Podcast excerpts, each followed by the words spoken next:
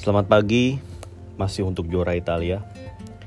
Kasamilan Podcast kali ini pengen ngelanjutin bahasan yang kemarin. Kemarin kan bahasannya tuh nggak ada teknis-teknisnya tuh kayak cuman ya kayak cuman bahasan selebrasi doang lah gitu ya. Dan apa artinya Scudetto ini buat Milan gitu secara mentalitas ya bagi fansnya. Nah sekarang gue pengen coba uh, ngebahas yang sedikit lebih teknis gitu ya, terutama tentang pertandingan lawan Sassuolo kemarin. Dan ada beberapa pertanyaan yang ditanyain oleh teman-teman di Twitter.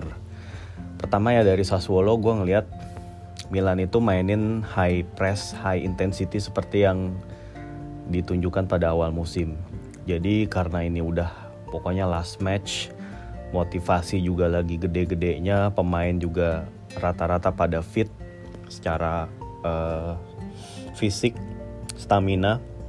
Jadi bener-bener digedor dari awal, digebrak dari awal gitu. Sassuolo kelihatan gak bisa berkembang karena mereka emang biasa mainin uh, position based football gitu ya. Mereka biasa mainin bola dari belakang, build up, uh, build up yang lambat gitu. Terus kemudian dari build up itu bola dikasih ke Berardi ataupun si Traore ataupun si siapa namanya si Raspadori gitu dah. Kemarin sebetulnya pelatih Alessio Dionisi itu nurunin tiga gelandang ya si Henrique, si Maxim Lopez sama Davide Fratesi. Si Maxim Lopez sama Henrique ini mereka emang tugasnya buat build up gitu sebagai double pivot ngebangun serangan. Sementara Fratesi gelandang yang emang dia disuruh naik dan turun. Ya itu kan gelandang box to box gitu. Si Fratesi ini. Terus kemudian uh, untuk serangan ya mereka bener-bener ngandelin uh, Raspadori terus Berardi dan Skamaka tuh trio berbahaya ini. Sementara di back mereka nurunin uh, Kan Ayan sebagai back kanan uh, Kiriakopoulos sebagai back kiri dan duet back tengahnya si Gian Mario Gianmarco Ferrari sama satu lagi siapa ya? Gue lupa back tengahnya satu satu lagi ada tuh. Terus kipernya Andrea Consili gitu ya. Dari babak pertama dari awal itu Milan udah ngegebrak dan seperti yang sempat gue bilang 10 menit pertama aja udah empat peluang yang cukup matang untuk nyetak gol. Itu pertama dari Olivier Giroud lewat sundulan setelah uh, memanfaatkan umpan free kick dari Tonali atau Selemakers tuh yang ngambil gue lupa. Terus habis itu ada peluangnya Leao yang diblok sama Ferrari ada peluangnya uh, Tomori yang dari set piece corner kick gitu ya. Ada peluangnya Selemakers yang datang dari umpan jauh Tonali itu mungkin orang nggak banyak notice ya tapi itu umpan bagus banget dari Tonali dari on halfnya dia. Dia ngelihat Selemakers itu lari nusuk ke dalam nggak terkawal akhirnya Sailmakers bisa dapat bola langsung one on one sama Konsili cuman ya si Sailmakers si finishingnya bagus. Akhirnya bola nggak nggak bisa diceploskan ke gawang Sassuolo dan akhirnya baru kemudian um, menit keberapa itu ya? Gue lupa uh, golnya gol pertamanya Jiru itu menit 17 apa menit belasan lah pokoknya ya. Itu datang dari serangan cepat ya transisi cepat Leao yang bisa ngerebut bola ya dari back Sassuolo terus dia melakukan sprint. Setelah melakukan sprint sampai uh, hampir ke touchline dia ngebelokin bola sedikit dan ngelihat posisinya Olivier Giroud. Ya dan terus akhirnya Olivier Giroud berhasil nendang. Walaupun uh, strike-nya itu nggak begitu clean artinya ya apa bola itu nggak kena bagian kaki yang enak gitu untuk bisa nge-shoot dengan kenceng dengan power tapi itu karena bola itu lewatin kolongnya si Ferrari akhirnya si Konsili juga jadi salah antisipasi dan dia uh, ke kolong juga ke kolongnya dia juga gitu. Nah setelah gol pertama baru bener-bener Milan itu bersemangat banget ya udah makin pede gitu. Tapi ya gol kedua baru datang menit ke 30-an lagi-lagi lewat Giroud dan lagi-lagi lewat Leao Kali ini kesalahan dilakukan oleh Ferrari, dia terlalu lama ngontrol bola, terlalu sering mainin passing. Pioli kayaknya tahu nih Sassuolo back-back Sassuolo tuh kebiasaan kayak gini, suka passing di daerah sendiri gitu. Dan ini emang dibutuhin press yang bener-bener intens yang bisa bikin uh, tim ini nggak berkembang. Dan akhirnya Leo bisa ngerebut bola dari situ ngelewatin Ferrari dan juga satu pemain lagi sebelum akhirnya ngasih umpan cutback kepada uh, Giroud gitu ya. Terus gol ketiga juga sama, kali ini giliran Krunic ngerebut bola dari Maxim Lopez, terus dia langsung umpan ke Leo, Leo tiba-tiba ada di kanan, lagi-lagi ngasih cutback, Kessie lari dari belakang langsung shoot dengan kaki kiri yang kenceng. Dan ini gue ngeliat uh, Leo menurut gue kalau uh, sepanjang musim dia mainnya begini terus gitu ya, konsisten gini dia, nggak kebayang betapa menentukannya dia gitu dari kemarin tuh Leo ya emang banyak dribble gitu ya dan itu emang efektif gitu ya. Terus tapi kalau sekalinya dia melakukan crossing itu sering nggak akurat gitu. Dia banyak nyiptain assist karena emang banyak upaya dia melakukan uh, terobosan-terobosan itu. Tapi coba kalau dia dia bisa lebih klinis lagi, dia bisa mainnya lebih apa ya? Mainnya lebih kalem, lebih lebih ngelihat posisi temen gitu dia jadi akan bisa ngambil ke keputusan yang tepat antara dia melakukan crossingnya itu cutback atau crossingnya itu ke depan mulut gawang gitu. Ngelihat posisi temen nah kemarin dua kali si Leo itu ngasih cutback di mana di situ ada Jiro dan ada Kessie gitu.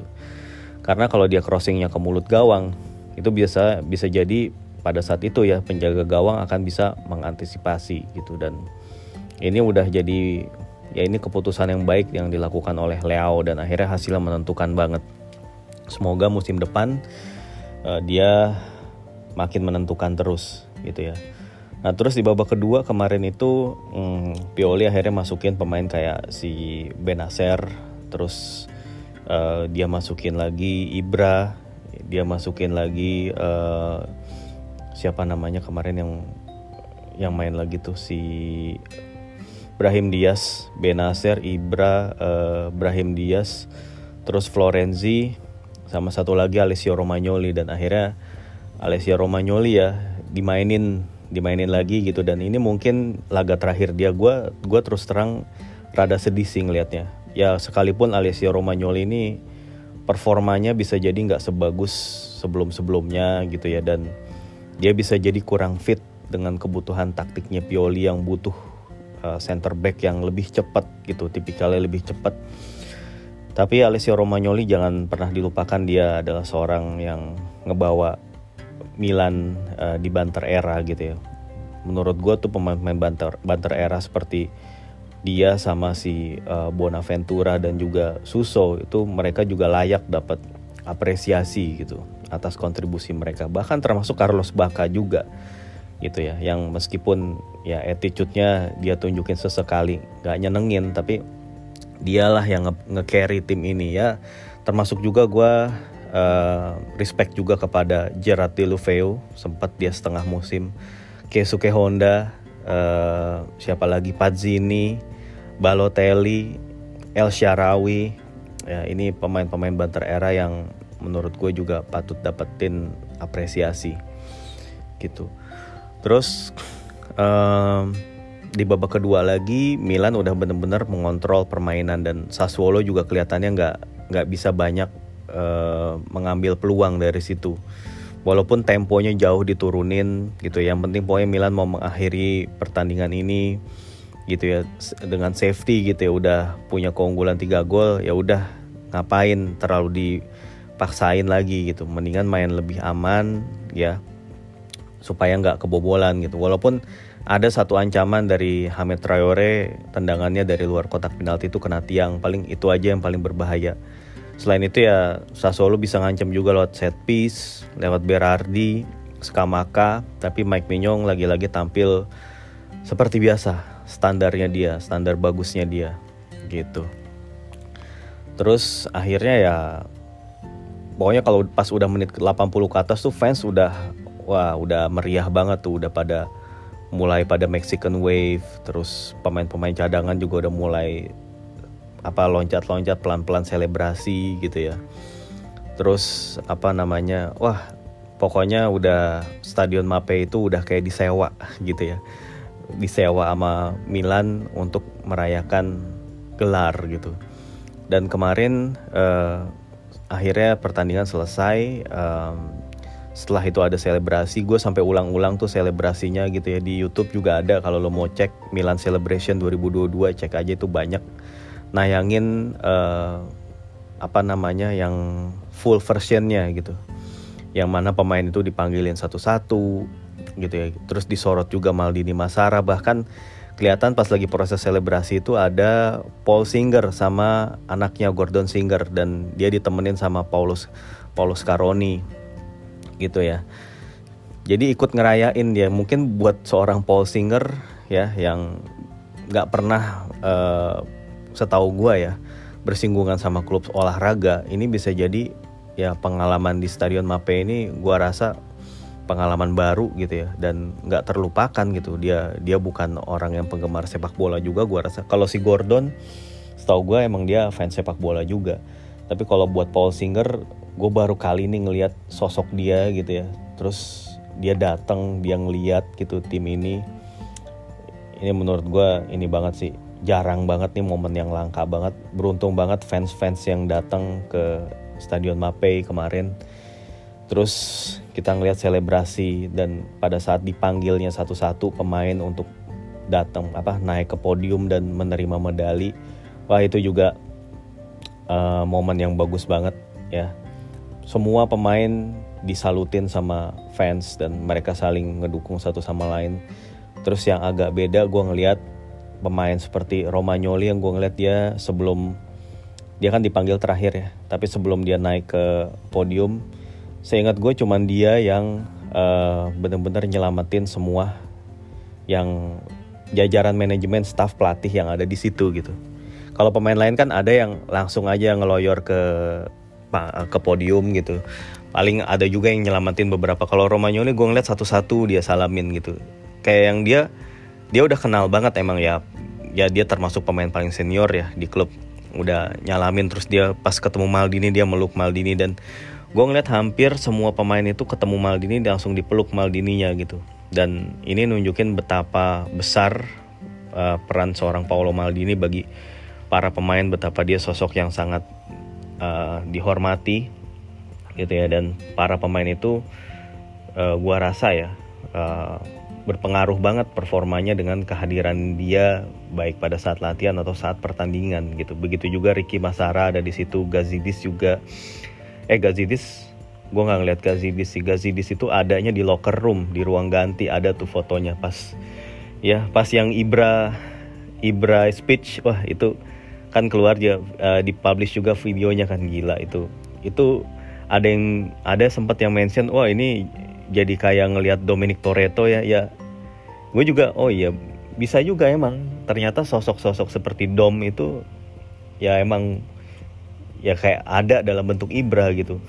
Abis dia ngomong dia kan ngomong uh, sekarang bukan cuman kota Milan yang merah gitu ya bukan kota Milan tapi negara Italia juga merah. Langsung dia langsung dia di depannya ada meja dia dia jatohin tuh meja dia gebrak. Wow langsung pemain pemain langsung pada mulai uh, perayaan gitu. Gila itu sih emang Ibra. Dan kalau dari isyaratnya dia ya pas lagi ngomong dia bilang kan I'm not eh, dia bilang I'm not saying goodbye gitu. Dia nggak say goodbye dia kayak itu uh, kayak kode sih bahwa dia tuh akan bertahan gitu dia nggak nggak pensiun. Menurut gue sih nggak pensiun ya. Tapi nggak tahu ya kalau dalam ke depannya gitu dalam beberapa pekan ke depan dia kan libur ya. Libur kompetisi dia liburan. Mungkin dia reflect lagi enaknya gimana baiknya gimana gitu. Apakah dia akan menerima role sebagai backup dan sebagai ya sebagai role player aja gitu sebagai pemain yang emang diperluin kehadirannya uh, di ruang ganti gitu paling kalau main tuh ya bangsa 10 menit di babak kedua dan lain-lain. Apa apa kayak gitu dia terima role-nya dan dengan uh, gaji yang dipotong signifikan ya kita nantikan aja lagi. Oke sekarang gue mau uh, bacain beberapa beberapa mention dan pertanyaan dari teman-teman sekalian. Ini kan gue bahas nih apa yang mau dibahas lagi di pertandingan uh, kemarin gitu um, bentar. Dari Ed Chris John. Apa karena high pressnya Milan kira-kira faktor apa yang bikin lini belakang Sassuolo gampang banget hilang bola atau salah passing terutama di babak pertama?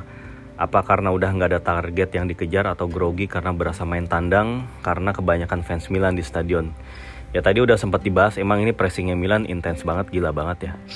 Dan di lain sisi Sassuolo juga emang eh benar juga sih. Dia kayak mereka kayak nggak udah nggak punya target gitu. Mereka udah apa ya ya mereka juga udah nggak ada beban lagi gitu. Walaupun di sebelum pertandingan pemain kayak Skamaka, Raspadori gitu atau Berardi bilang ya mereka akan main seperti biasa, main serius begitu juga pelatih Alessio Dionisi gitu yang dia bilang kita akan melakukan sesuatu yang mungkin tidak akan dilupakan ya. Mungkin tidak akan dilupakan. Ya ini mereka adalah tuan rumah yang baik yang mengizinkan stadionnya uh, markasnya dia jadi pusat perayaan Milan setelah pertandingan gitu. Ya. Terus apa lagi nih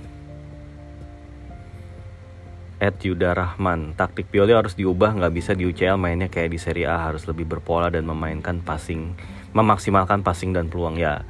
Emang setuju sih gue gue juga kalau main di UCL ya tim di mana tim itu mainnya lebih cepet gitu ya. Kayak pas lagi ngelawan Liverpool itu mainnya cepet banget akurat banget efektif banget ya. Emang kalau mau main di UCL dan mau bertahan sampai jauh emang harus kayak gini kayak gitu mainnya. Dan gue sih bisa mengerti kenapa Stefano Pioli itu kadang uh, mainin sepak bola yang lebih mengutamakan kekuatan pertahanan gitu dan sangat quick counter aja karena emang materi pemainnya yang dia punya ya seperti ini gitu nggak yang bisa memainkan sepak bola proaktif sepanjang musim. Ya, dia berani mainin itu di awal musim, digebrak di awal, di tengah agak kendor, nah terus di akhir musim gebrak lagi gitu. Gitu sih menurut gue. Jadi emang ini karena faktor squad juga.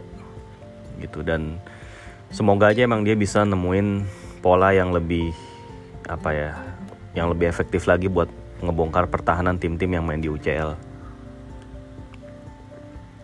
gitu ya. Ini ada pertanyaan tentang Elliot ke Investcorp. Itu next time aja nih berhubungan sama pertandingan aja kita akan dengar kayaknya dalam beberapa hari terakhir ini kayak apa beritanya? At Sigitku beberapa match terakhir nampaknya kronik efektif untuk uh, apa ya ini maksudnya? Physical presence.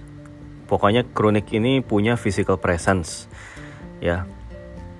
Yang kemudian cocok untuk main pressing tinggi saat lawan build up gitu. Kira-kira apakah ke depannya AM yang dicari ini bakal setipe kayak gini atau enggak ya? Mengingat kita selama ini nyarinya creative playmaking uh, type ya. Ya maksudnya pemain yang lebih tipikal ini ya lebih stylish gitu mungkin ya maksudnya ya yang dicari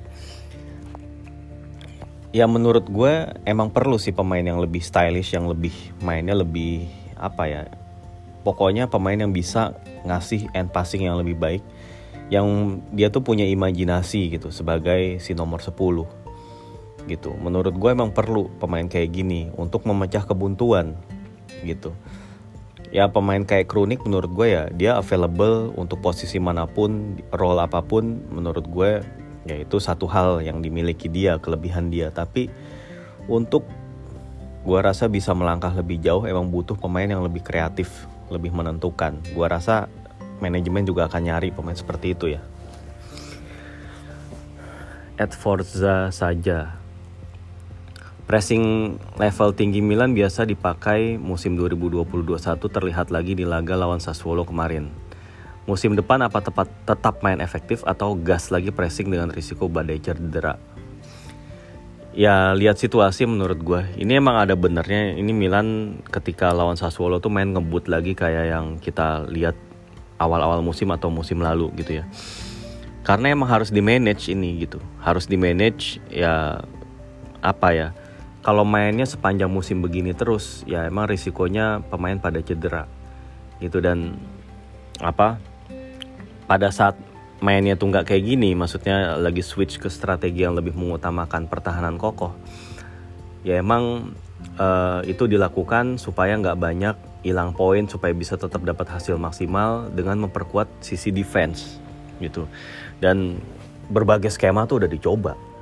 Lu suka lihat kan si asistennya Pioli itu si Murelli itu bawa bawa laptop ketika pemain itu mau masuk dia ngeliatin dia ngeluarin laptopnya ngeliatin pemain tuh harus begini gini gini gitu. Karena emang timnya Pioli itu punya tim yang ini apa namanya bener-bener mengandalkan data gitu ya. Mereka punya tim analis, taktik analis yang salah satunya tuh ada anaknya Pioli ya, Gianmarco Pioli di situ salah satu uh, tim analisnya dia. Mereka itu emang bertugasnya untuk menganalisis lawan gitu dan kemudian memberikan instruksi bukan instruksi memberikan informasi gitu. Mereka pakai headset kepada si Murelli asistennya Pioli. Dan ada satu yang kabarnya tuh di duduk di bangku cadangan di situ.